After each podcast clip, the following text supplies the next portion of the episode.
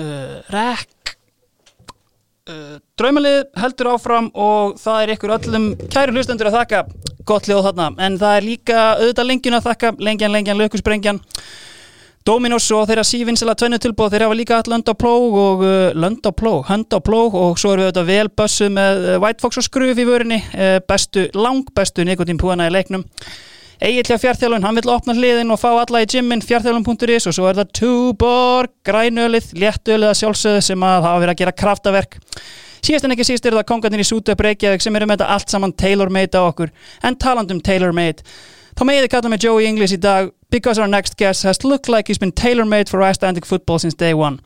Having been a promising player for the Glasgow Rangers, he came to the land of ice and fire when rich entrepreneur and sex symbol Walter Bjorn brought him to Fram in 2011. At the time of his signing, Fram were at the bottom of the league with three points, but the fortunes quickly turned when our man showed up. Fast forward to today, the Scottish boy Wonder holds the record for most goals scored by a foreigner in the league, is a two-time Icelandic champion, can stake a claim to a cup medal, and has trained his son to dig for gold. From Irvine, Scotland, ladies and gentlemen, loves scoring goals but hates the Icelandic national team, Steven Lennon.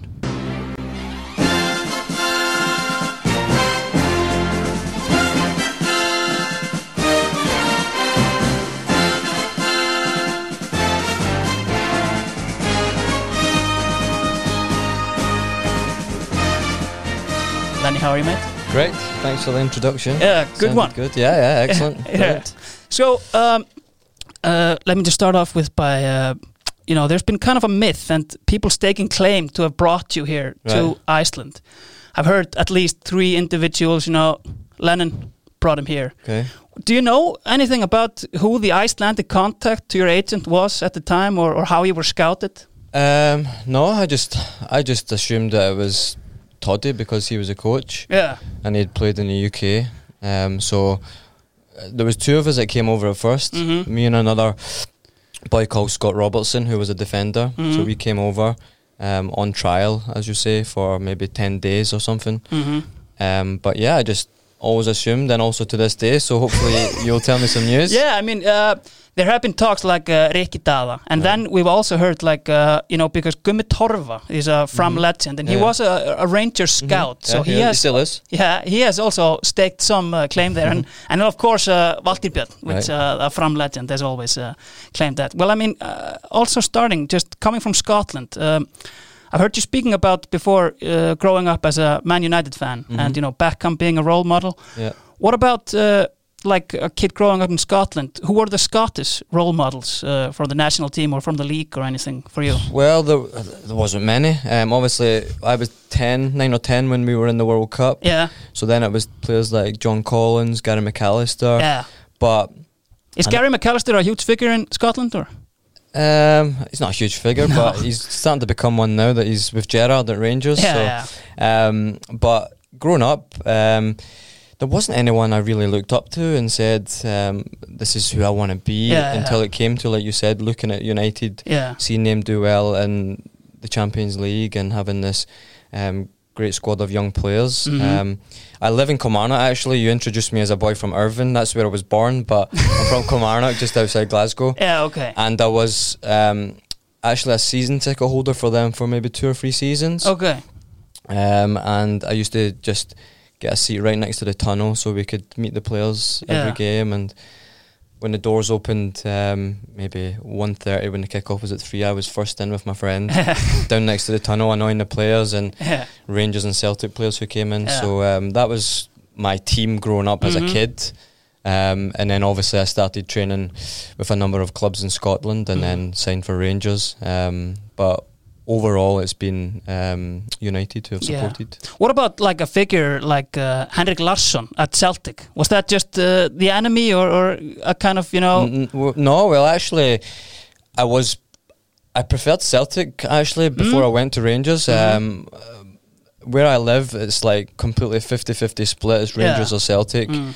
Um, and I, yeah, I did like Larsson. I liked the way he looked with his dreadlocks. Yeah. He was different. He was a goal scorer. Um, and my mum was like a Celtic fan, so um, I kind of leaned towards them. Yeah. And even when I started practicing Rangers in the youth teams when I was like 11 years old, Mm-hmm. um, they kind of seen me as a Celtic supporter Yeah. or a Celtic guy, so I would get a lot of um, banter and stick um, from the boys from Glasgow. Yeah. Um, but after a few years and being around the place and starting to slowly work your way into training with first team players, you start to get a love for the club and a affection for the club. And um, then I just today my son wears a Rangers strip. Yeah.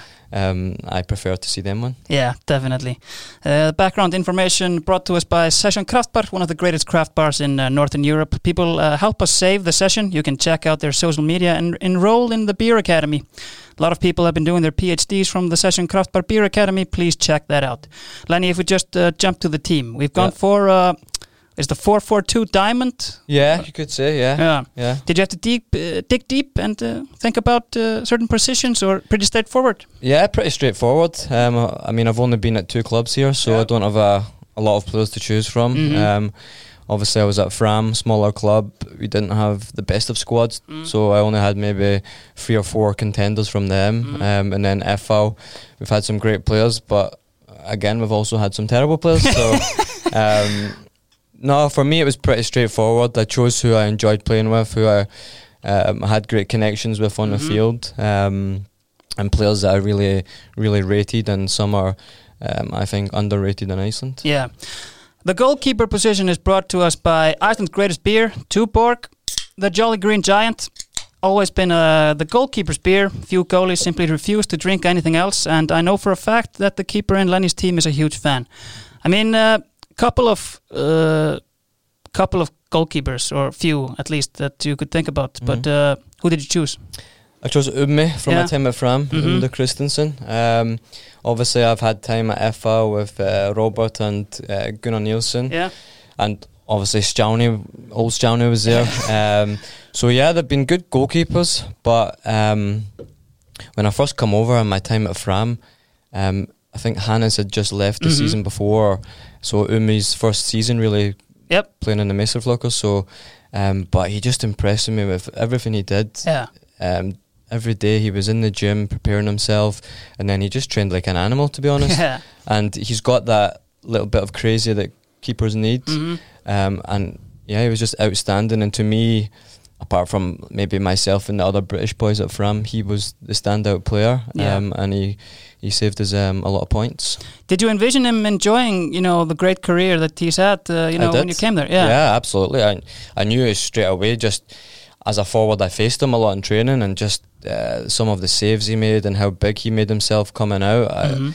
I, I always thought, I says, wow, he's got a good chance of uh, doing something if he gets the, the right breaks because in football you need that. So, um, actually, when I went to Norway, um, they needed a goalkeeper.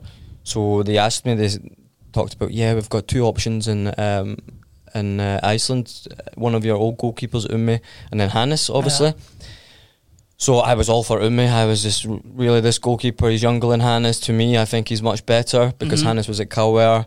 Um, good goalkeeper, but he was known to be a bit unsteady on his feet Yeah, yeah. and whatever. So I really, really rated Umme much higher than him. Yeah.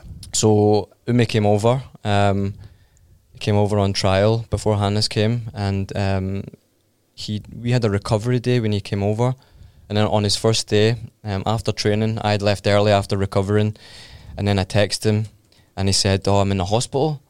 And I says, "What, do you mean? What are you doing?" Um, he says, "Oh, I broke my hand." Oh. So he smashed his hand against the post, broke his hand, and that was basically his chance gone Yeah. to come uh, to Sandnes Ulf. And then um, Hannes came over, and um, to be fair, Hannes was absolutely unbelievable. Yeah. He was ridiculous. Um, I think he changed so much from being a semi-pro in Iceland to a Mhm. professional in Norway. Yeah.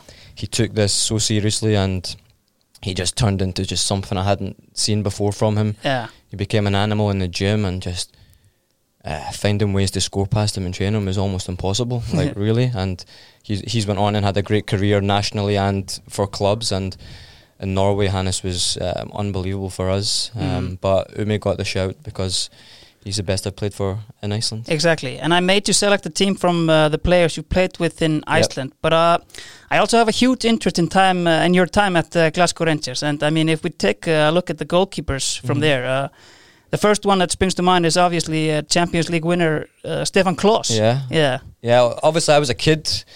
I was just coming in often, um, during the Easter break on school um, and being around the first team 14, 15 um, and seeing guys like Stefan Klos and Mikel Arteta Yeah. and Van Bronckhorst. Mm. So it was amazing to me. Um, and then I finally went in full time just before my 16th birthday. Yeah.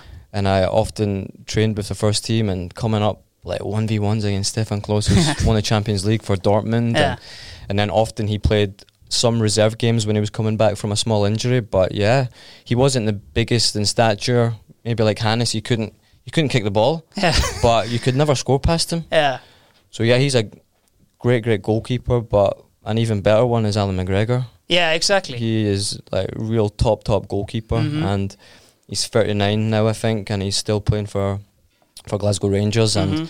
he played just at the weekend against Celtic and made that unbelievable save. Mm. Um, and he's another one that's a real top top keeper. Was Roy Carroll there He when there, you were yeah. at the time? Yeah. I think he was he on loan or Yeah, I think it just came for uh yeah, maybe on a loan. Yeah, yeah, probably. yeah, was it from United or was it from no, West Ham? uh, from West Ham. West yeah. Ham, yeah, and he was on like um, back then. When was it? Maybe 10, 11 years ago. He Mhm. was on like sixty thousand pound a week for like a substitute goalkeeper. but and I used to, I was he played reserve games with us, so second team games, reserve team you call it. Yeah. Um, and then he would be with the first team, and I would often just be a young player in the squad or the nineteenth man, Mm. and he'd be up the back of the bus just with like thousands of pounds in cash playing poker and stuff, and this was unbelievable to me. so um, yeah, he was there, Roy Carroll, um, good, good guy, guy, yeah. real good guy. Yeah. obviously I didn't take too much time sitting down with him, No. talking to him, but always pleasant and nice to me, and um, I think he had that. Well, he made the most of uh, his career, I think, for what he was. Um, but yeah, he was he was a good guy. Yeah, but uh, Amme, uh, he foxed himself into the sweet life of a backup goalkeeper at a major European football club and uh, bachelor's degree in law and a Vestal Mhm. legend. So uh, uh, from White Fox and Skruf, they present us the Fox of Steven Lennon's dream team, and that is Amme. Well, okay, the defense. Uh, four-man defense brought to us, of course, by Domino's, the oldest and most respected pizza place in the country. Assured quality. Whatever competition is thrown at them, they just defend and make the best pizzas. Should we start at the right back? Yeah, that's Yeah. fine. Um, yeah, so um, there wasn't too many, um, too many good ones I've played with in Mhm. Iceland. Um, so I went for Jonathan Hendrickx. Yeah. I think everybody in Iceland uh, knows all about him. Um, when I first came to FH, he was playing as a left back Yeah. Because Sam Tillen, he left Fram and went to FH when I was in Norway, I think. Yeah. Um, so he broke his leg, I think, Mhm, that pre-season. So I came midway, 2014, and Jonathan was a left, playing left back at that Mhm. time. But yeah, he everybody knows he's got extreme quality for this level, hmm um, and he's everything that I want on a fullback. You know, he's very attacking minded, great on the ball, both footed, um, can assist, has a decent shot. Um, so yeah, he was uh, a real, real good player. Is there a way back for him to the FH squad after what he did uh, when he was playing for Breiðablik there, having the banter and uh, fucking with the fans and everything? Yeah, I mean that's just part of football, you know. I mean he was a Breiðablik player, so he, he doesn't really owe anything to us. Yeah. Um, we enjoyed the time we had uh, playing with him and uh, won some titles together. Yep. Um, but he obviously thought he wouldn't be in contention to maybe come back to FH then, which Mhm. he might be today. Yeah. Um, but no, I mean, when he played for Breidablik, we treated him like the enemy, which he was, um, and he got a few bad tackles from David even in pre-season games, and um, when he scored that terrible free kick and made some gestures to the fans. That's just part of football. Yeah. Of course, he might have been getting some stick, so he can do it once if he scores, um, and I don't mind that. Um, and if one day he does come back to FH, then it's good for us. Yeah. I've heard you also like uh, speak about FH as a family club, which uh, my first instinct was family club. Fylkir is a family club and Right. FH is a machine. But, you know, uh, it's probably a family machine because when you join there, it's like uh, the class of 84. You know, Mhm. they have David Viðars, Atli Guðna. You have then uh, a year later Bjarni Þór came and uh, Pétur Viðar is there, Jón Ragnar is there and their fathers are controlling the club. But I Yeah. mean, it's just such a sounds uh, looks just like so ruthless environment to uh, like uh, and having won all those titles. You know, it's almost like for the last fifteen years, it's a Manchester United era kind of. What was it like, kind of uh, coming to the squad in Yeah. 2014? I get what you're saying, um, and I don't mean family club and like f- oh, families are welcome to join and stuff. I mean like we are the family. Mm-hmm. Yeah. Um, we are like one big family and Yeah. a strong unit. I don't mean like families at Exactly. friendly club. Yeah, yeah, Um, because obviously the fathers, the brothers, Yeah. cousins, you know, everybody's involved. yeah, Um, but joining just straight away, just welcomed, you know, um, and it just it just felt like being back at a big club like I was at Rangers. Mhm. Um, smallish country, Scotland, two massive clubs, and then Iceland. I think at the time, I know you're a Valur fan, but I would say FH and KR were the two massive clubs to my mind. Yep. Being at Fram and stuff, Mhm. winning the most recent stuff. Mm. Um, so it was just like coming back into this big family full of winners. Yeah. They've all been there, done it. Mhm. Um, I mean, Jonsi and Vida, you know, two top guys in my opinion. yeah. Um, controversial at times, but they do everything for their family and Yeah. for the club. So exactly. um, I was loving it, and it was great to be there. Yeah. If we move up to the uh, well, move to the side, uh, the central defense. Who do you want to start with? Um, I'll go with Peter Vidas. Yeah. Obviously, it's just been announced the team of the century, and Mhm. Peter's obviously in it. Um, and he's won lots of titles, and that's the reason why he's in it. There is maybe better footballers I've played Mhm. with, centre backs like Guman and um, maybe Kasim and stuff. Yeah. But Peter, for the success he's had and the drive that he brings and the intensity that he brings every day is Yeah. just like something uh, you don't see. That's exactly what uh, you know because. It was a bit of a controversial pick, I feel, for the team of the century. Uh, Mhm. some people were saying, "Okay, so John O'Shea being the team of the century of the Okay. Premier League," but I mean, for I mean, you would take Peter Vidas out of the team, and some might argue it's just a different team. It is. If if you're like if you're playing with him and you're playing in that team, it's a completely different team if you take him out. And yeah, I don't know what John O'Shea won in his career, but he didn't have the same impact in those winning ti- titles that Peters had yeah, in FH. probably. And that's why like every manager that's came in, well, not Hamer, but other ones like maybe Ole or whatever, maybe doubted him a little bit, Yeah. didn't play him, but he always found his way back. Yeah. Um, That's kind of maybe also, uh, you know, from your time at Fram. Yeah. Did you remember playing against uh, Peter Yeah. when you came? Yeah, broke my finger against him. like he was always. I think when I played Fram, he would sometimes play deep midfield. Yeah, So I like to drop in the hole and try Mhm. and get on the ball. And yeah, as soon as that happened, he was just bang on me. yeah. He was number seven at the time, and I was thinking, who's, who's this number seven that's always smashing me? And then we got in a tussle, and I think my finger got stuck in his jersey, and the bone snapped off my my finger. So I remember him well, Yeah. and I hated playing against him. But he's he's uh, been absolutely fantastic for us. Uh, won many titles, and um, just the intensity he brings every day from to training, like.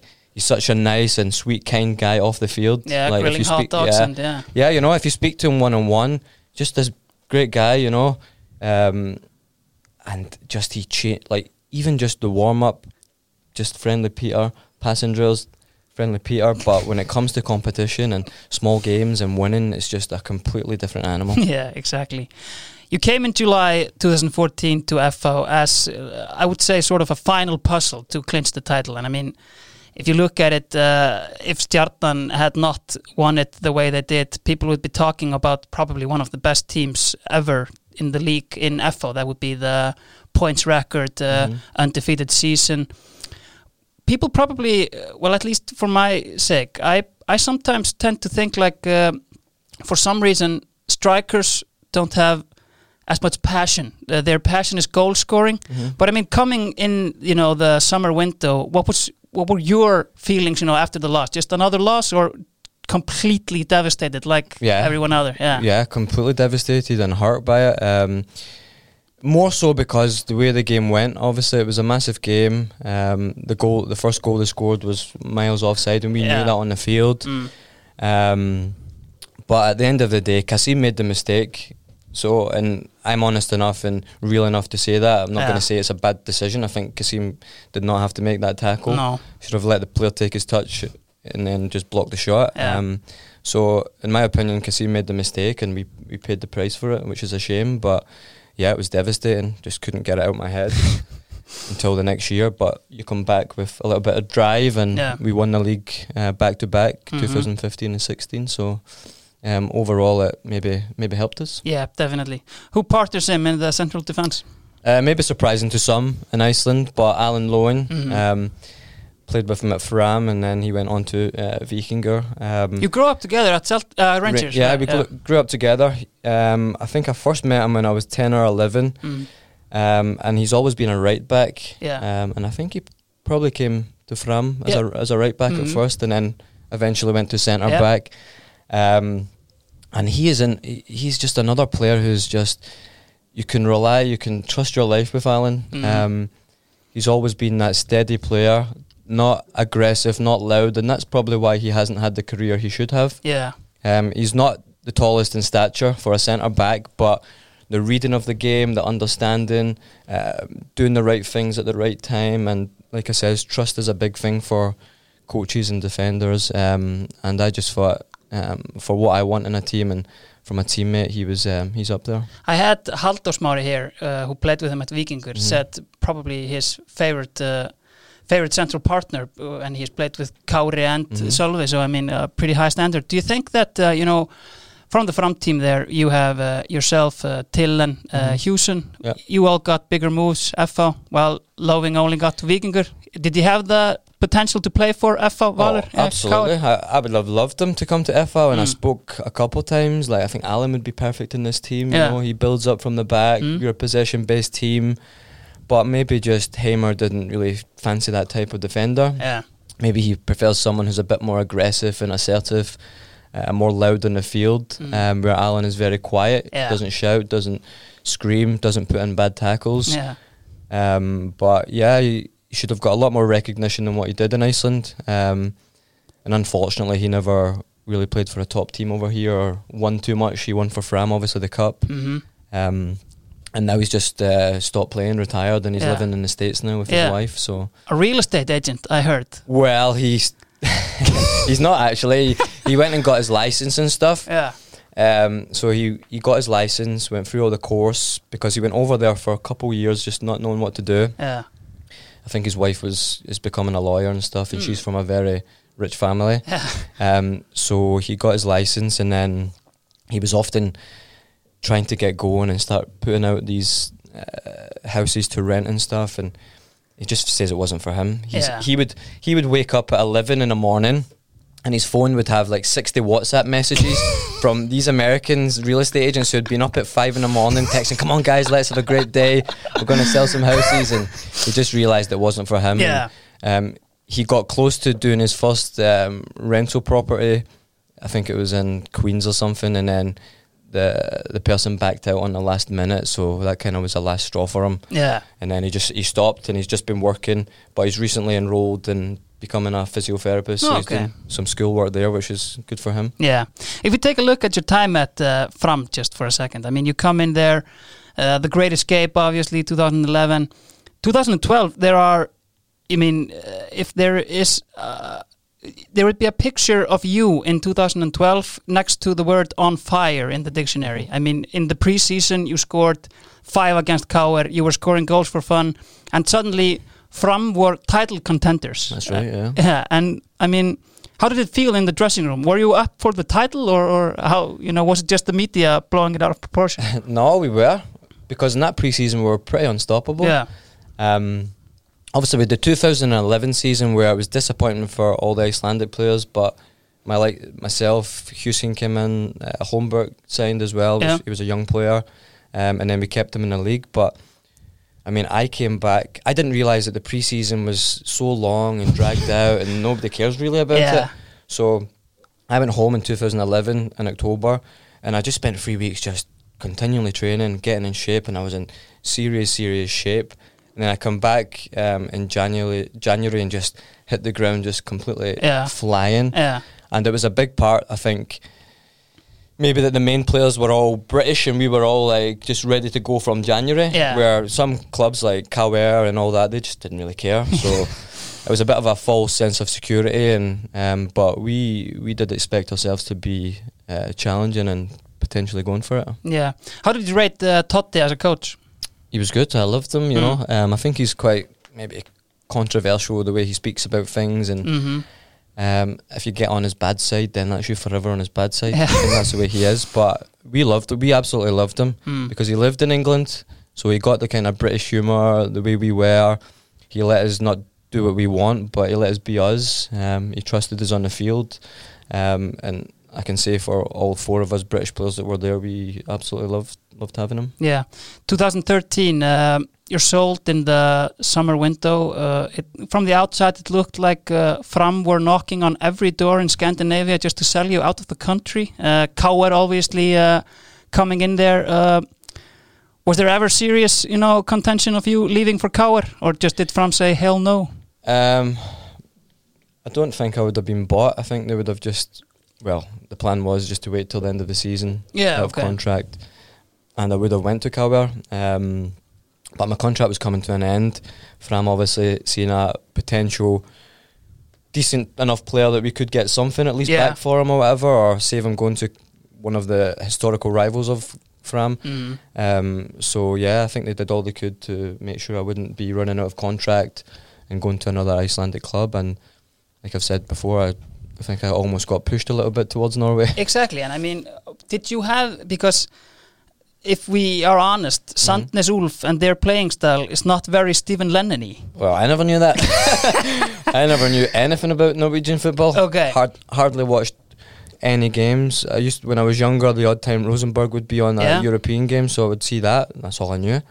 So I was I was not up for going at all. Yeah, Um, when it came to me, I was thinking, right, okay, maybe it's a better league. It's a potential to start climbing back up to a level where I feel I should be. But then when I realised it was a club who were struggling, I was like, no, I'm, I don't fancy this. I'm, Yeah. I don't want to go. Um, to describe the club, I mean, you would feel like Steinthor Freyr is tailor-made for Sandnes Ulf. well, he he was the king there. yeah, exactly. He was the king there because he went there when they were in like the fourth tier or something, and then they came up a few years. Mm. and I went over, and I was I thought I was going to be maybe a number ten, um, getting on the ball and linking up and trying to create create goals for my team, and and I did that the first game I started for them against Tromso. Mm. Had a really good game playing as a number ten, um, assisted a goal and played really well. So I was Mm. like, oh, this is uh, I'm happy I made this decision. Yeah, But then it just got to playing out wide, just helping my fullback, just basically defending the full time and trying to counter attack. And we were hopeless to be honest. we weren't we weren't good enough to be in that league. yeah, Um, and yeah, from quickly early on, I started to really dislike it. yeah, exactly. Who were, were maybe like uh, when you think about your time at Rangers? Who Mhm. were the centre backs at uh, that toughest to face in training and stuff like Um, that? well, they they signed when I was really young. They signed uh, Boumsong. yeah, Then they sold to Newcastle, Mhm. and he was a he was a big name in European football Yeah. when Rangers got him. I was surprised they got him. Um, so like players like him, and I think um, there was a player Julien Rodriguez who played for Marseille, I think, in like the Champions League final and stuff. Mhm. So um, you had guys like these who you just you wouldn't get a touch of the ball. Yeah, just- I was I am small now, but I was smaller and like um, weight and thickness and strength and stuff. So you just got pushed aside. mm. Um, but it was great experience and um, yeah, just some top names. But these two are probably the ones that were the most physical and biggest names that people would probably know of. yeah. Was Ugo Ehiogu also there yeah, he when you were? yeah he was there. He actually played often with us in the second team. Yeah. um, he was in and out of the first team, so Mhm. he played with us. I often like because I got told when I was 16, 17, you're not going to play for Rangers until you start getting bigger and stronger. Mhm. So I had to put on like five kilograms. So for like two years there, I was just constantly in the gym. Yeah. And Ugo was always in the gym, Yeah, just preparing himself. He was getting a little bit older. He was Mm. lifting weights, so I was often training a lot with him. yeah, Um, so that was obviously a good experience. He'd played in England a lot. It was quite a big name, yeah. big character. Um, so yeah, he was in, he he was at Rangers Yeah. along with uh, Davy Weir, who was yeah, at yeah, exactly. So Davy Weir, big name. He came to Rangers when he was older, but he's another one who I really looked up to and gave great advice to myself and some young players. I also saw the name uh, Sotirios Kyrgiakos. Kriakos, yeah, Yeah. like Soto. Yeah, He was um, tremendous player. yeah, He was really good for Rangers. Mm. Um, I sat sat next to him a couple times in match day, and he he used. I think he was very religious, whatever religion he was, Yeah. Catholic or whatever. So I was just sitting there as a young player and just getting getting ready, and he would set out these like religious cards in front of his shoes, like just like three or four religious cards, and just looking at them and maybe praying and stuff. and I was just sitting, a little guy, knowing nothing about religion or any experiences of this. And Yeah. it was just brilliant and fascinating to be around. But yeah, he was another player there who I think he did quite well for Rangers. Yeah, and went on to Liverpool Yeah, later. Yeah, right, yeah. exactly. So at left back, who are we having there? Uh, the one and only uh, Buddy, Yeah, Böðvar. Um, there was other, obviously, I played with Sam Tillen Mm. um, and I've played with Hjortoloy now for a few seasons. Um, but Buddy, he played when we won the league for two seasons. Um, and I think he's another one who's pretty underrated in Iceland. People don't really rate Buddy for what he is because the way he goes on, and you know what I mean? The way he uh, maybe carries himself and he's a little bit stupid and stuff. um, but another, uh, in my view, fantastic player. I think he's obviously not playing as much as he wants abroad. Mm. Um, but another one who he should be in contention to get in the national team and stuff. yeah, I think if he just got his chance, got some trust from the coaches, then they would regularly select him because you can you can um, trust him and he gets up and down, good left foot, hmm um, good game intelligence, and um, he's an aggressive li- little guy. Even though Yeah. he's quite small, yeah, um, but he's aggressive and um, and just another player and teammate that I love to be around. yeah. Obviously, like uh, just a couple of steps away from becoming like a top FH legend for his two goals against Braga. There, Yeah. uh, I mean, uh, but. Uh, was that kind of, uh, you know, I've been viewing these uh, old FH European games. Was that like, is that the game that you kind of uh, go to when it, fuck, that was it? Yeah, I mean, with the result and the scoreline, you say, yeah, fuck, Mm. that we were so close, but realistically, we were miles away from Yeah. the level. Um, but the home game, we were really, really good. We were excellent, and Yeah. I, this was like these games were two of the best games that I played as an FH player. Yeah. Felt really good. I often play better amongst better players. Maybe I just feel up for it more. Mm. But yeah, um, there was such uh, certain situations in the game where we could have done better. Um, I think the two Braga goals at home were just so easy for them to score. I think Emil came on, fell over the ball, hmm conceded a goal from that. Atlee Gooden, I think, talked about it where one of his biggest regrets was stand falling over the ball when me and him were breaking against the keeper. He just Yeah. had to pass to me and I was tapping it in and we would be going up maybe 2-0 at that time. Yeah. that was to make it 2-0. So Mhm. that would have gave us a right chance. But after that game, even though we lost 2-1, right? At? Uh, yeah, two one. yeah, we lost 2-1. yeah.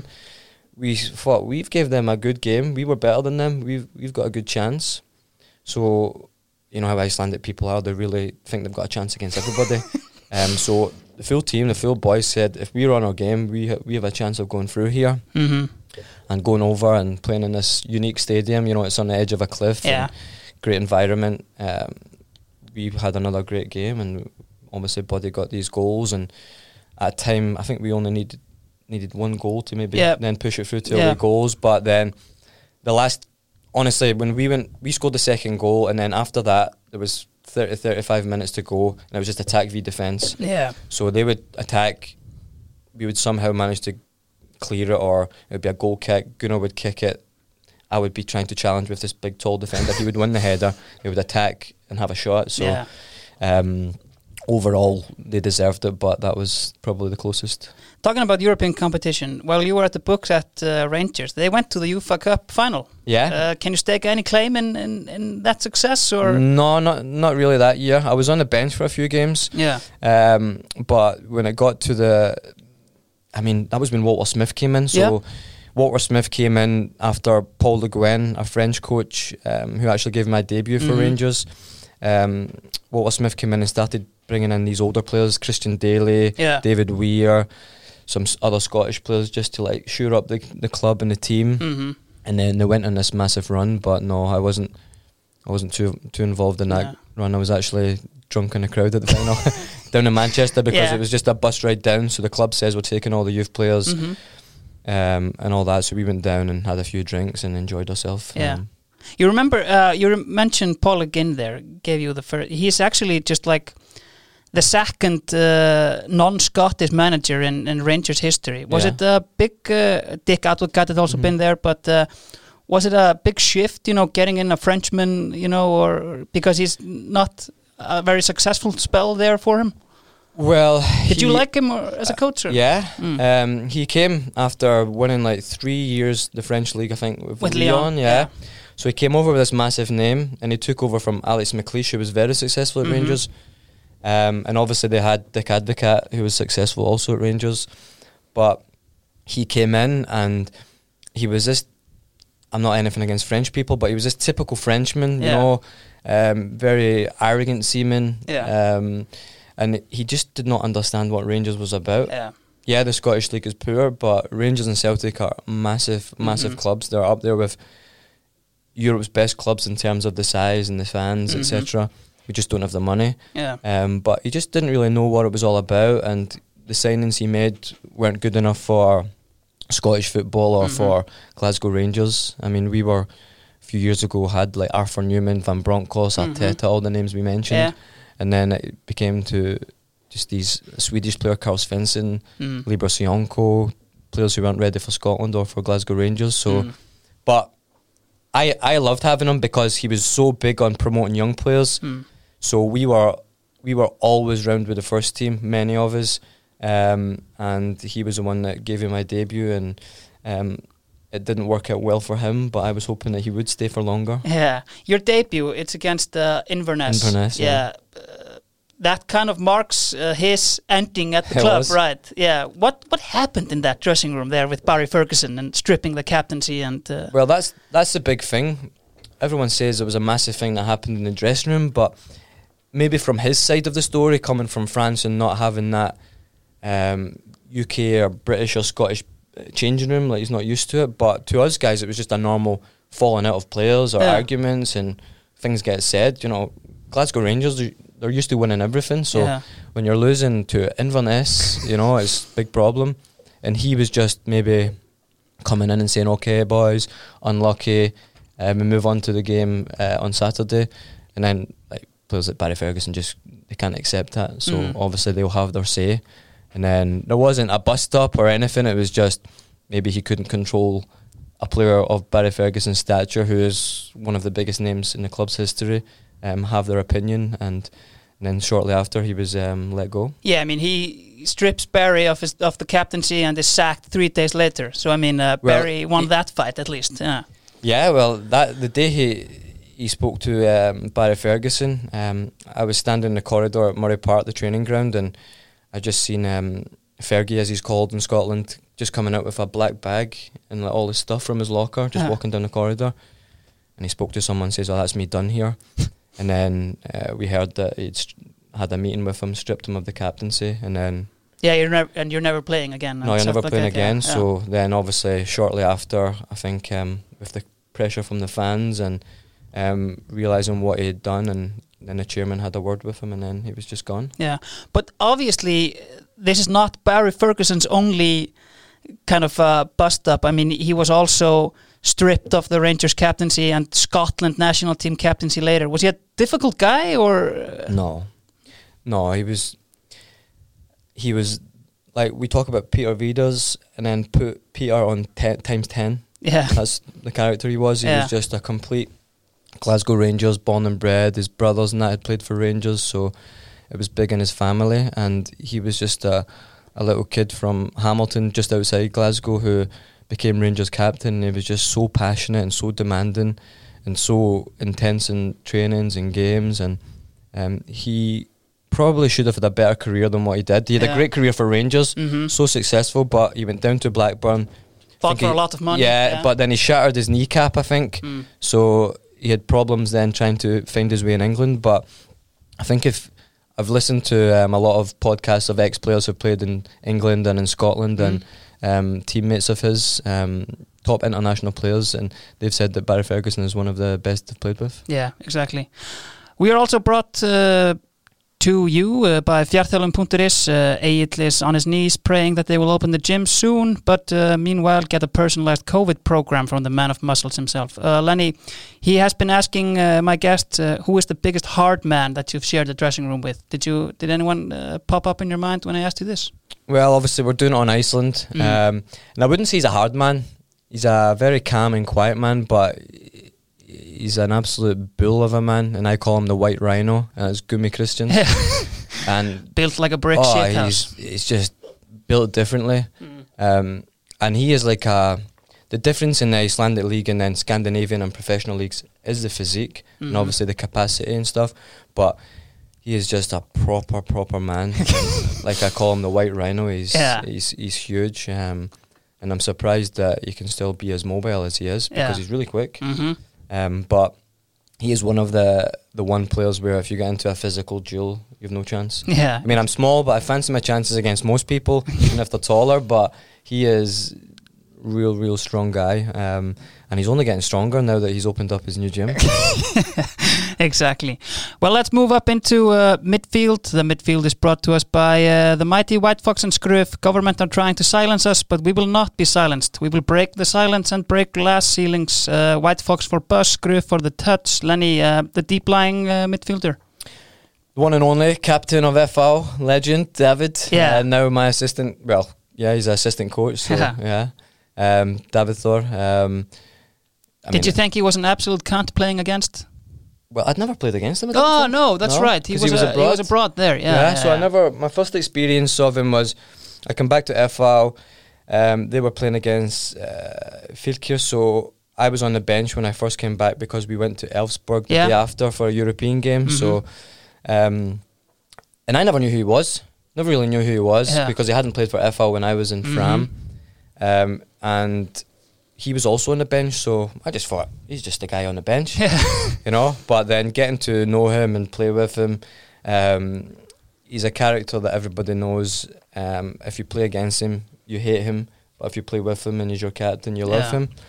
And that's just exactly it. We had a great connection on the field together. Um, he was involved in a lot of um, my good stuff, my goals or assists that I made. If I watch back, David's all, almost making a pass always to me. Yeah. So um, he's a great leader and uh, top top player. Yeah, exactly. If we just move to the uh, midfielders above him, uh, who can you? Who do you want to start with?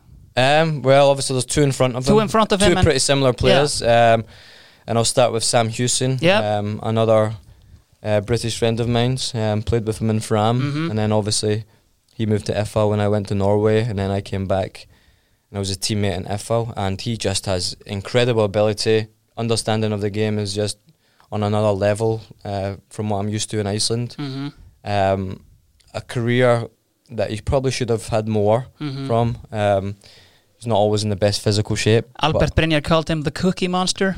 He is. He loves his tea and biscuits, um, and especially when him and Alan Lowing lived together. Yeah, They were just because when we were at Fram, when I first come over, me, Alan, and Hewson, we lived together, yeah, and they would just constantly be on the sofa drinking tea and eating biscuits all the time. And I'm I'm not really into all that. I was always in, trying to go to the gym, yeah. drink my protein shakes. But yeah, Hewson, he could be the cookie monster, Yeah. but an incredible player, brought up um, in a massive club. Yeah. Um, I think he sat on the bench from the Champions League game. Mhm. He came on in a friendly, I think in Scotland against Aberdeen for Wayne Rooney. So he had a good chance of making it at a top level, and it just shows you that the the line between making it to su- su- such a successful career Yeah. and then maybe dropping down to like what we've done in Iceland is Mhm. is very uh, slight. So um, I feel a little bit sorry for the way he has gone with the ability that he has. He could have played at a much better level, but Yeah. maybe just the chances never came for him. But um, top player, top guy. Everybody loves Sam Hewson, um, and yeah, definitely have him in my team. Yeah. Uh, our sponsor Domino's uh, have this great offer, which is trio, uh, three of their pizzas on the menu, basically given away uh, in exchange for a little money. In that spirit, they uh, named three midfielders from your Glasgow days and asked me to talk to you about them. First of all, John Flack. He was there uh, while was. you were at uh, Rangers. Did Yeah. you envision like uh, him scoring goals against De Gea in the Premier League later on? Well, he was actually talked about as being the biggest thing that Scotland's ever produced. I see he's just like 15 years old in the first team. Yeah, he was. So he was. He's a couple years younger than me. hmm So he then made the step to play in my youth team, which was under 19s when he was like 15 and stuff. Yeah. But everybody talked about F- Flecky, as we call him, uh, as being the Scottish Wayne Rooney. Yeah. Wayne Rooney just burst on the scene, and they looked the same. Yeah. You know, kind of red, reddish hair, freckly face, little small bulls, Yeah. like animals. Um, but he was, yeah, he was really highly thought of. Was training with the first team since he was 14, 15. Yeah. He had that kind of men's physique when he was that age. He was strong built, good on the ball. So we always thought that he would become this Rangers great and then go on to even bigger things than what he's doing now hmm because his career took a dip. He had to go and find himself a little bit in championship Yeah. level. hmm Did well there, was quiet uh, going through his career. Then he's just started to, obviously, the last few years be in the Premier League. But yeah, Flecky was always promising, a big name in Scotland growing up, um, and now finally he's starting to achieve what he, he should be doing. Another uh, Scottish Premier League legend, Charlie Adam. Charlie Adam, yeah, he's like a Marmite player for some. Because the way he looks and the way he carries Yeah. himself, like people think, how is he this guy a football player? um, but football and ability, left foot is real, real top level stuff. Yeah. Like everybody talks about Charlie having a great left foot, and I think Sir Alex has said that his corners are alone worth ten million Yeah. and stuff. So um, he came through the youth system. He's from Dundee, so he was one of the ones that I looked up to, and just when I was 14, 15, training with him at 19 year old, he was just so far ahead of everybody else. Yeah. And, and then he soon got his chance, and he often played in the, the big games for Rangers when they needed him. hmm A good guy, or Yeah, good guy. He was a little bit of kind of big time guy, as we say. So Yeah. he would like to go out to the clubs and try and splash his cash if he had any and show himself off. But he was always really nice with the the younger players because he came from younger players. His younger brother was a goalkeeper in Yeah, the yeah. academy, so he's always round speaking to us. Um, yeah, just doing what he could for us and giving us advice. But yeah, good guy and um, a real good left foot. I saw from uh, the uh, mm, on your uh, Transfermarkt page that you played also for the uh, Scottish uh, youth levels, and Mhm. there I saw the name uh, James McArthur, a Yeah. ten-year mainstay in the Premier League. Uh, Yeah. A good guy, or Um, I, I was on in a couple twenty one squad with him. hmm Quiet, very quiet guy. yeah. So like he is in the field, he's quiet but Exactly. effective. You know, he he's wins been the there. ball, He's been, he's been in the Premier League for ten years, and you know you always forget him. Yeah. He's just yeah, So there was, he played for Hamilton in Scotland, Yep. and there was him. You know, James McCarthy, who's also exactly. Yeah. So they were like best mates, two boys from Glasgow, played for Hamilton, um, and then we always knew they two would go on to something a little bit better. yeah, McCarthy was always the one that was rated a little bit higher than McArthur because yeah. He got the Everton move. yeah, and he had a little bit more about him, um, showed himself more, could score more goals. Mhm. Um, but yeah, I- I'd only experienced him a couple times in some squads. Yeah, Um, I actually think I could. I probably played and he was on the bench in these teams. That's and then it just shows you how your careers go. now he's in the Premier League and I'm here in Iceland. Um, but yeah, just a nice quiet guy and just didn't say much to be honest. yeah, exactly. So who is with uh, Hewson in the midfield? Um, someone similar, um, but in my eyes, he has the most quality that I've played with in Iceland. Yeah. Uh, Brandur Olsen. Yeah, Um, probably surprising to some that I have him in my team, but um, a real, real good player. Mhm. Um, like I said, his his right foot is like elite level. hmm Uh, his right foot is Premier League quality, yeah, but maybe his behaviours and the way he carries on lets him down yeah. because he's the angriest man ever. he's a, everybody says it. He's just so angry constantly. Yes, you Just- can see it as a fan watching Yeah. the TV. Yeah, But he often got like I read some things like Brandur is like reports of games and Brandur was so lazy he wasn't doing this, doing that. But then our like numbers of stats, he was running the most. yeah, So I think it's the way he carries himself and the way his body language is, Mhm. it makes him seem worse than what he is. But overall, probably the most quality in a in a player that I've played with in Iceland, and um, a good guy. And I just I hope that he can calm down and behave himself and go on to have the career that he should have because he is so talented and. Um, yeah, if he just behaves, then I think he'll have a good career. yeah. If we speak just a little bit about the, uh, you know, after the 2017 season, obviously the first season in 12 years or something that FH don't finish, or 13, 14 years that FH don't finish in the top two. Heimir is sacked. Uh, did you feel it was the right decision to let Heimir go at the time? Um, I think so. I think um, obviously he had great success as a player and as a coach, won lots of titles. Um, we as a team loved him. Mm-hmm. Good coach to play under, uh, very demanding and has high standards. But I would say at that time he got the most out of all of us as a player. Maybe we kind of are not we. like maybe the other Icelandic players who had been there for a number of years got a little bit of tired of Yeah. always the same routine because Heimir is a man of routine. hmm And funny, I, I was speaking about him this morning to Gunnar Nielsen Yeah. because I was asking him how Kaj Leo is at Valur and stuff, and he was telling me that the players in the Faroe Islands and in Valur just say that the same thing as what we experience, just always the same stuff, but it works. Yeah. So I think it was the right time because some players were getting a little bit of tired of the same routine of what Mhm. he does.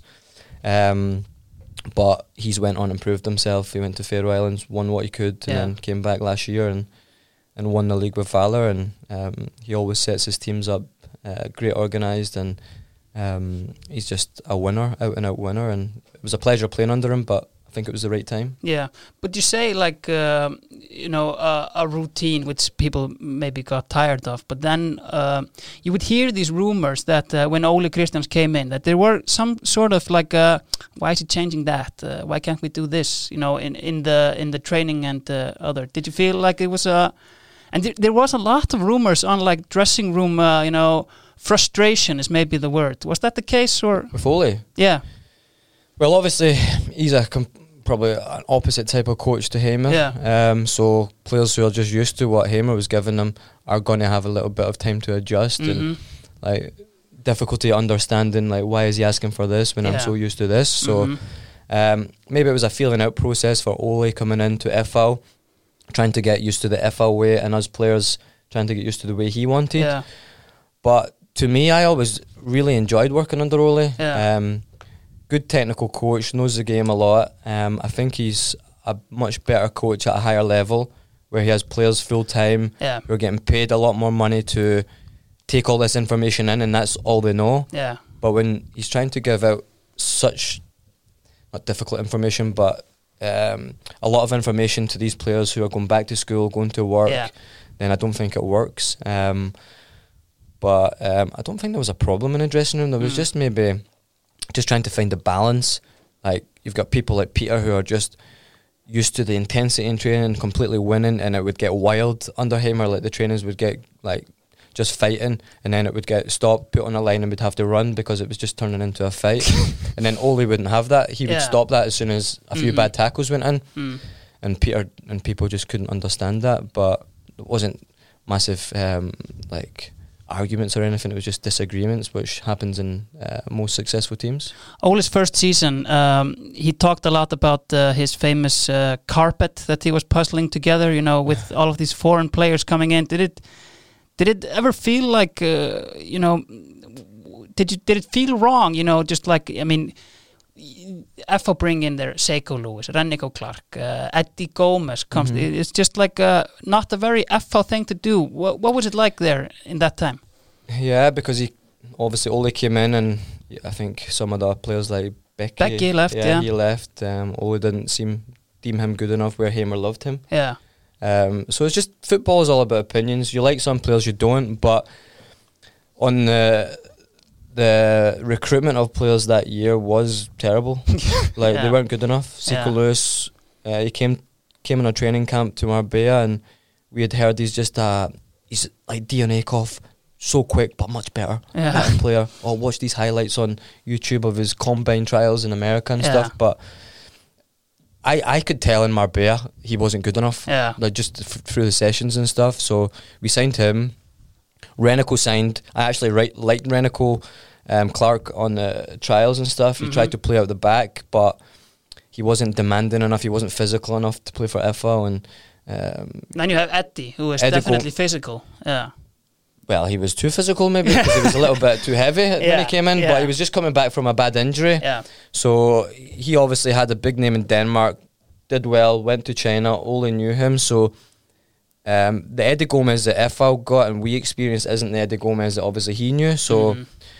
obviously he was hoping to get him in, get him fit, and get him going, and that would have been brilliant for FH. Yeah. You know, because he was could have been a top player, um, but it just didn't work out. And um, yeah, the best thing that Eddie gave us was um, the The changing room, which actually is only half done. So FH Yeah. need to start spending Eddie's money. yeah. Well, uh, on that issue, uh, Suit Up Reykjavik, they have the best tailor-made suits around. Uh, Lenny, uh, Suit Up are kind of looking for customers, and uh, they are asking if uh, who is probably the worst dressed uh, teammate that you've had? Did anyone come to mind? Um, probably Böðvar. Yeah, I think he's a bit scruffy. not the first time. No, I think it suits him being in Poland with his uh, his dress sense. But yeah, just be- only because he came in uh, with a Celtic top on one day to training, uh, looking Yeah. looking homeless. So, um, but no, he's just a, a little bit of a scruffy man. But Yeah. I think now he's got his hair cut, so he's trying to sort himself out a little bit. Definitely. So, uh, in the number 10 role, who are we having? Um, the one and only King, who we've just had breaking news, is retired. Yeah. Unfortunately, um, Atle Gunnar. Yeah. Um, fantastic player, very uh, unique person and unique style of play. Yeah. Um, yeah, he's overall been a great teammate, um, brilliant person. And when I first came to FH, I was playing as a number nine, and he was my number ten, Yeah. and it was unbelievable. Really good partnership. We scored a lot of goals for each other. Uh, he assisted me a lot. I assisted him a lot. Mm. And then that just got broken up. Heimir just decided Atli out to the left, and then I often had number tens like um, Emil Pals or Bjarni who are not number 10s Mhm. so I hated it. Yeah. So I was always me and Atli always talked about why are we not just playing together? We destroyed this league last year, Yeah. even though we lost it in the last day. So yeah, Atli's in there. Just, I mean, he speaks for himself. Um, he's been player of the the league two times, Yeah. and um, I think over the last few years, it's not really been the Atli Gunnar that we all know, but Mhm. that happens with age. Um, and um, he sat next to me in the dressing room for my time at FH, and I have great, great respect for him. Yeah, definitely. Another number 10 maybe that you played with when you arrived uh, in Iceland was the footballing philosopher Arnar Gunnlaugsson. Yeah, that's Uh, right. Yeah. How did you rate, uh, you know, when you came here in Iceland and saw this 38-year-old bald man and uh, what was his uh, ability in training? brilliant, uh, very clever and uh, good left foot. And I never like I never knew much nothing about Icelandic football to be Yeah. honest, or about him, even though he played abroad. Yeah. Um, and he was never in a dressing room apart from the games. He never came in the dressing room. He always like we would be in the dressing room. We would go up to the pitch and we'd see him just sitting in his big Escalade, and then he'd just jog out when we were warming out, warming up, and then he would come and train, be brilliant in training, even though he was older Yeah. and then he would play in the games. And he's another player where he's got high football IQ, so it was easy to be on the same wavelength as him. And um, quiet guy, but really nice guy. Um, and obviously, he's starting to do good things at Vikingar with all the young players. And um, it was a pleasure to play with him. Definitely. Uh, Lenkan, uh, Lenkan, Lenkan, Lukas, Brenkan, uh, they have been asking for uh, like the most memorable game that you've played. Are there a lot of games that uh, come to mind? I think the Cheltenham one, we keep Yeah. talking about it now here. um, yeah, that's the most memorable one, and it's often drops into my head uh, for one reason or the other. But um, just the occasion, like the build up to it, because they had been scoring last minute goals to keep Exactly. right next to us. Like, like we you were never really thought that Stjarnan was going to pip it. no, no chance because we, we were we were winning our game and then or yeah, we'd come out winning the game quite convincingly or whatever, then I would go on my phone and look at the website saying, Oh, they've scored the ninety fourth minute to win. Say, oh, they're still close, they're still close. So um, it got to the last game. It was a sellout crowd, which Yeah. you don't never see really. No. Um, and then, yeah, it was a horrible day, windy, rainy. A lot of events happened in that game, so definitely the most memorable and uh, probably one of my yeah top three favorite goals in Iceland. Is Exactly. We, that's what people tend to forget. I mean, if FH had won the title, this would be a legendary goal. It was a great goal. Great spin there. Yeah, it was not only not only just myself involved. Um, Yeah.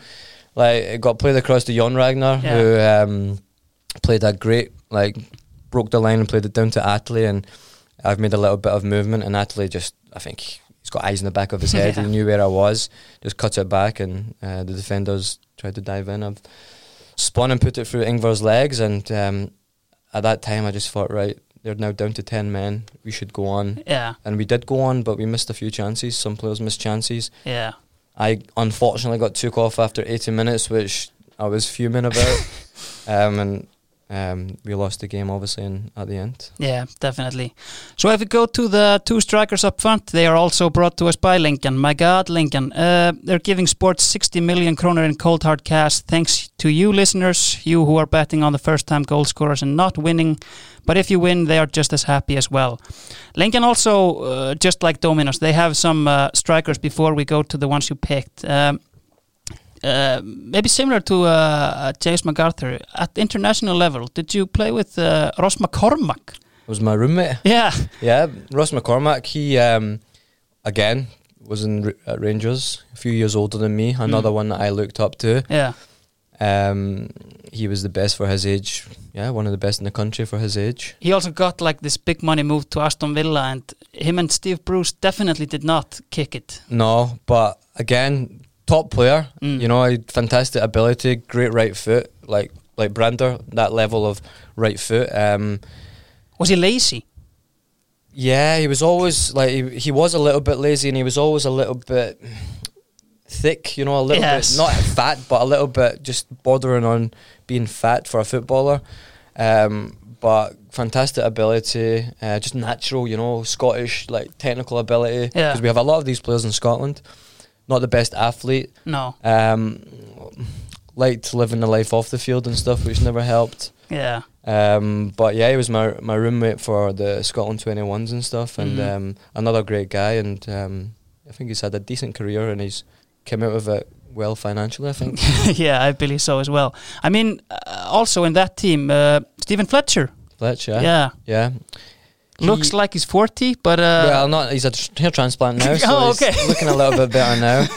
But he's always been like that. Some from he was younger, he's always looked like that. And Yeah. he came through the Hib- Hibs team, Hibernian in Scotland, as a massive prospect, and he was just a out and out natural goal scorer. Yeah. Good left foot, um, and then he started adding a lot to his games, like holding a ball up Mhm. and, and being steady in possession. But a great goal scorer who obviously scored goals in the Premier League and stuff. Yeah. And again, another one enjoyed himself off the field, but he could have could have had a better career. yeah. And then we go to uh, maybe two guys at Rangers. Uh, Dado Pršo, the Yeah. Croatian legend. Yeah, he, he was at Rangers, just came off the back of Champions League final, I think, Yeah, with uh, Monaco. Monaco. Yeah, Uh, what a character! He uh, he just came in larger than life, wearing crazy clothes, singing every day. Um, top player. I was very young, obviously, when he was there, 15, Mhm. 16, So, but just having the experience and being around guys like this, just walking past them and training the odd time with him was uh, was great. Um, but top top player, aggressive centre forward, tall. Loved the Scottish game. I think yeah. did really well for Rangers. Fans loved him.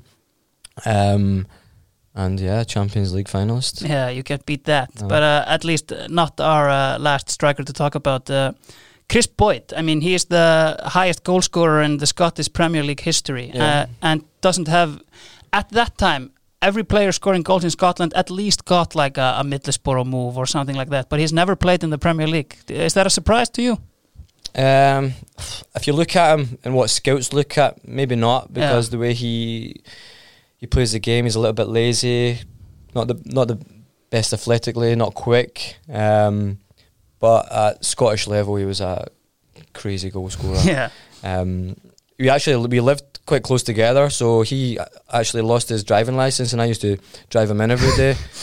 so, um, but just listening to him and learning from him, and Yeah. the little things he would advice he would give you as a forward was uh, was priceless. And um, he was another one who wasn't blessed like with all the best skills and stuff. Mhm. But if the ball was in the box, if he was having a shot, he was scoring a goal, um, Yeah. and he scored a crazy amount, um, and a proper legend at Rangers. yeah, definitely. So, who did you pick for uh, your team? If you maybe start with either one. Yeah, well, I'll go with uh, Atli Viðar. Yeah. Um, I think he's obviously speaks for himself, like Yeah. the other Atli. Yeah, Uh, complete legend over here. Um, got massive respect for him. Um, it was we didn't play too much together, which Yeah. is I actually was thinking maybe not to put him in, but um, in training every day, the way he carried himself, what he does, um, the goals he scores, just complete natural natural goal scorer, and Yeah. good finisher. Um, so he, yeah, we didn't play too much together. He was often maybe on the bench and coming in for Yeah. me, or when I was injured, he would start the games Mhm. and score all the goals and make me look terrible. Um, but yeah, top top player, good professional, looked after himself well. Um, a shame maybe he never got a chance to go abroad and show himself, hmm but um, he won everything here, and um, I think he's doing great things on TV now. He's a good analyst, Yeah. and hopefully he continues doing that because I enjoy listening to him, even though I don't speak Icelandic. I can understand what he's saying. Yeah, exactly. Uh, midway through uh, this season, uh, and uh, Logi come in. Um, uh, what was it like training under the goat, uh, Guðjohnsen? Uh, he's obviously signed and left now, but was it like a, a, big boost for the squad getting a guy like that into the uh, training ground? Yeah, massive boost. Um, because obviously you see him in the Premier League, Chelsea legend. One of my best friends, a Chelsea fan, and yeah, every time he scored a goal in like school games and stuff, he would do like his celebration. Yeah. He's like the Iceman. yeah, Love Guðjohnsen. So I knew him from all that. Um, but yeah, when he came in, just from the first day, we had a small practice game for him and Logi to look at, and it was Mm. just everybody's the tempo was up tenfold, and everybody was running around trying to impress him. yeah, I'm 32 years old and I'm running more so than ever, just trying to show Eiður Johnson what I'm all about. yeah, Um, but yeah, they never had much time to um, go over a lot of coaching stuff because Mhm. we had many games. But just the presence of even Logi there, you know, just uh, a great guy, great experience. Um, both of them together worked well. And it's a shame, you know, because I was really, really looking forward to coming in in January and uh, seeing what they had planned for us and what the future would be and working under uh, such legends. So um, hopefully David can step up. yeah. was he uh, like uh, a, tactical and distant manager, or was he a, a, a- man manager, or good good Um, with that stuff? Or Yeah, I mean, was a short period of time, Yeah. so he, we didn't get time to go on the field and do this kind of Guardiola coaching, you Yeah, know, yeah, be on the field and like the way Ole K likes to be, like um, all that stuff. But um, I don't think he will be like that. I think he's more about um, maybe the old school type of British managers, you Hmm. know, like more respect, um, disciplined. He's a very serious man when it comes to football. yeah, So everybody respects his opinion and what he says. People listen. yeah, You feel his presence when he walks in the change room, like Heimir. Um, so I don't think he'll be one who's on the field saying like, "This is the way we're going to do Yeah, this," setting up that. cones, yeah, yeah. all that stuff. Um, I think he'll be more of a thinker and uh, demanding of players and just uh, yeah, kind of British style management. I see. So who closes the team uh, up top? Um, well, like I said, I'm a forward, so I've not had many opportunities to play with a lot of forwards. But we had a great season together in 2017 for FH. So it's uh, Flóki. Yeah, Kristján Flóki, um, another great player who should be doing more with his career. I feel like there's everything there for him to just make fun of the league in terms of ability. Not only this league. I mean, I met him him and Body for a coffee, and I was telling him, I says, Flóki, you should be playing at least English Championship. Yeah. You have everything for it. Yeah, He's got the power, the physique, the ability. The thing that he's lacking is maybe the game understanding and um, growing up and having the real hunger and desire to, Yeah. to be a professional. hmm I mean, he's been abroad and all that, but he could be playing at a much a much higher level, and he, his career and he really frustrates me so much because I know he's got the potential to play uh, really good level. yeah. If we maybe just touch on a subject of uh, your favorite uh, or or position play. I mean, there's a lot of talk. Uh, you know, you can't put Lenny in uh, every position of the front four, or uh, but what's your take on it? What's your favorite uh, position?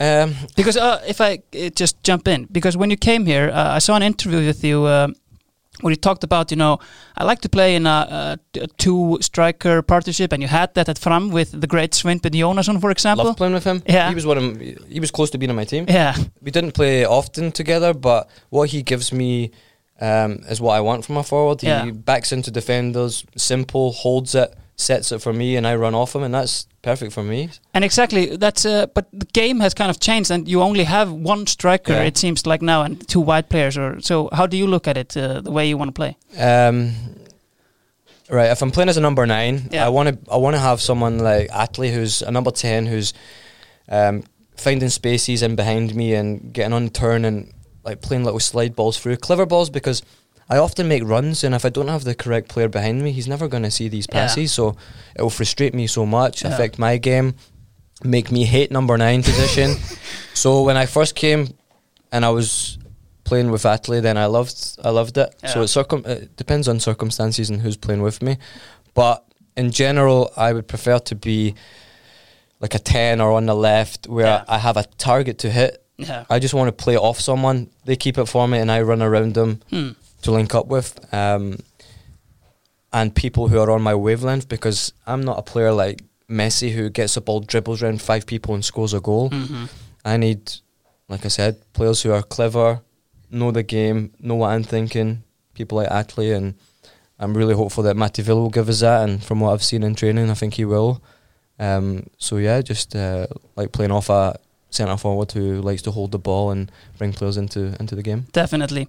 So the team is complete. If I run through it, it's Umme the Fox in goal, uh, a four-man defense: Jonathan Hendricks, uh, Peter Viðarsson, Alan Loving, and uh, Buddy Lupp. A four-man diamond midfield: David Thor, Sam Hugson, Brandur Olsen, and Atli Guðna. And up front, uh, Stjáni Fimbo, Kristján Flóki, and uh, Atli Viðar. The selection of the team is brought to us by Iceland's most celebrated uh, 2.25% alcohol-induced drink, Tuborg, the Jolly Green Giant, uh, whether it be a classic one, the Grön one, or even a seasonal one. Tuborg has a distinctive taste that just feels right to its consumers, uh, has been the glue for Icelandic parties since the 90s. Lennon, if you would have to pick your uh, uh, Tuborg player, the 12th man that glues the dressing room together, uh, who is probably mostly there for fun and banter, did you have anyone in mind? Um, without a doubt, Jon Ragnar. Yeah. yeah, this from the moment I came to FH, it was like I talked about family club. It was just so fun being there because Yeah. of him. Yeah. Everything was light-hearted. We were always singing and dancing in the warm up. There was like about ten songs in the warm up, not just from him, from other players and stuff. Yeah. If you made a mistake, you would have to sing. Yeah. So it was great chemistry, and um, I don't think we've won the league since he's left. So No. I think it's like people at Jon. He's as important as maybe the top goal scorer on the team or the captain of the team Mm. because he does like, um, and he was a good player. Everybody really uh, puts his like his playing like the way he plays like down because who he is. He's Yeah. a good musician. He's a celebrity and stuff, but.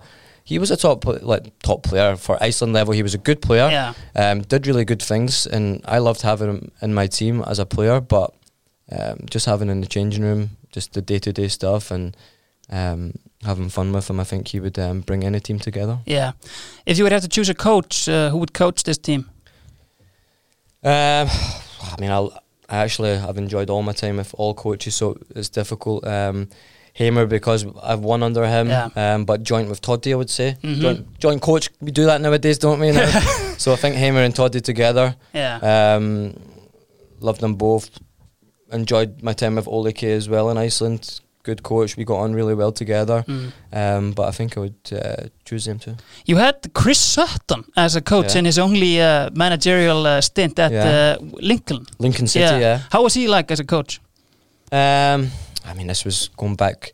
I was on loan at Yeah. Lincoln City from from Rangers. Um, he was. I li- I liked him as a person. You know, Mhm. he was just he knew the game. He knew what he wanted from his players. That was a horrible league. You know, it's fourth level in in England, so Yeah. it's League Two in England. So it's I was going there just for experience, game time, feel the men's game. Um, but he trusted me. He enjoyed having me in the team. He wasn't the best coach on the field, like in terms of putting his team up and this and that. But he was demanding. He Yeah. played at top level. Um, won a lot of trophies, so he held his standards high. And sometimes that's that's all you need as a as a manager. Didn't you also have the the great Ally McCoist as an assistant manager? Yeah, I did. Was that uh, a nice experience or? Uh, Mm, y- yes and no. He was um, obviously he's known as um, being a fun guy Yeah. and complete legend up in Scotland and even in England with his the TV work he Yeah. does. Um, and he's a fun guy. Um, he was Walter Smith's assistant, but he is also a very uh, ruthless man because he's such a winner. So he can he can uh, go at you if he wants. But it was great, maybe having him around and stuff. But I felt he never really gave me anything. You know, he didn't Yeah. come to me and say, "Look, Lenny, this is what you should be doing." It was more like people like Kris Boyd, etc. Yeah. So I didn't feel I got anything from him, no. uh, which is disappointing. Um, but is what it is. Yeah, exactly.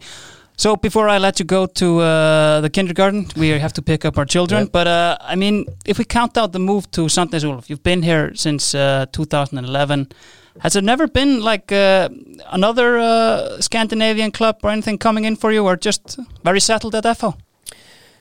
I mean, there has been maybe, maybe not, not even Scandinavia, like half opportunity or half like Yeah, not talks, but like rumors or people saying to me like this club were half interested Yeah. or an agent maybe. As you know, players get contacted by a lot of agents, um, and there have been clubs we've played in Europe who have spoke to maybe my agent and says, "Oh, we quite like this player. We played against him. He did Yeah. well. Um, we'd possibly look to bring him in." Whether they made contact with FH, who knows? You know, I think FH like to keep things to themselves. um, most clubs do, um, but no, I mean, I've not really been looking for it. no, You know, I I went and tried that in Norway. Um, played the majority of every game. Started mostly every game over there, but just didn't suit me. no. Wasn't enjoying life, so I came back to FH, um, and I've been successful. And um, obviously, I have Icelandic girlfriend and son, and very settled here. Um, and apart from the maybe three or four months in winter where the weather's horrible, then I love being here. And last but not least, uh, you've talked uh, on some. Uh, I think you've gained uh, kind of a notoriety for us, like a, a Scot abroad, as you say, and uh, where you've spoken like uh, what to do after the career. You, I mean, you have an Icelandic son here, and and such like that. And I've kind of felt like uh, you're more uh, leaning to towards agency or, or something, rather than coaching. Do you see like? An opportunity there to like uh, being uh, the middleman uh, between like Scots moving abroad or, something like that? Possibly, hopefully. I mean, I have tried to get involved in like some players that I know coming to FH or whatever, like players like Robbie Crawford or Yeah. whatever.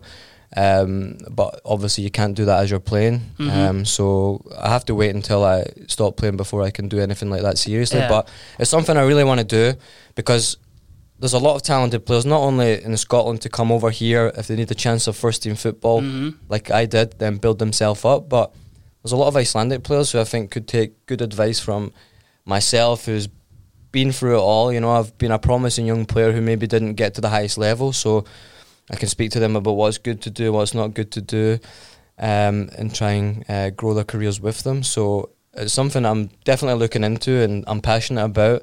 Um, but I just have to be uh, patient about it, Yeah. and um, but hopefully I could help with more Scots coming uh, to Iceland um, because I think we we do quite well here. Yeah, exactly. Last question: Right. uh, the toughest centre back you've played in Iceland? I don't, I don't know if I can answer that. Obviously not Skúli Jón. no, I mean he was good, real good player. Yeah. I mean, what happened then, long time ago, was Yeah. just me, me and Gary talking rubbish Yeah. as we do. Mm. Um, just a bit of fun, but you guys weren't ready for people like me and Gary talking nonsense, so it got about out of hand. Yeah. Um, don't really have one. A toughest one. I hate like stupid people like Guðmann, like coming up the back of your ankle and stuff, just kicking you and stuff. Yeah. But there's not one that stands out. Um, Alan Lowing, I hated playing against him because Yeah. he, know, he, he knows me. Yeah. He knows everything about what I do. I know everything about him. It would be oftentimes in game where we would have an agreement where I would say, "Uh, I won't press you, I'll let you go and play if you just let me score or something. Um, but yeah, I would say him because Mm. he knows me inside out and um, he would always cover every step of my, my moves. And that was a good thing from Lowing. Uh, Lennon, it's been an absolute pleasure having you. Thank you for coming. Great, thanks for being here. Þið var að hlusta á draumalið í bóði lengjunar.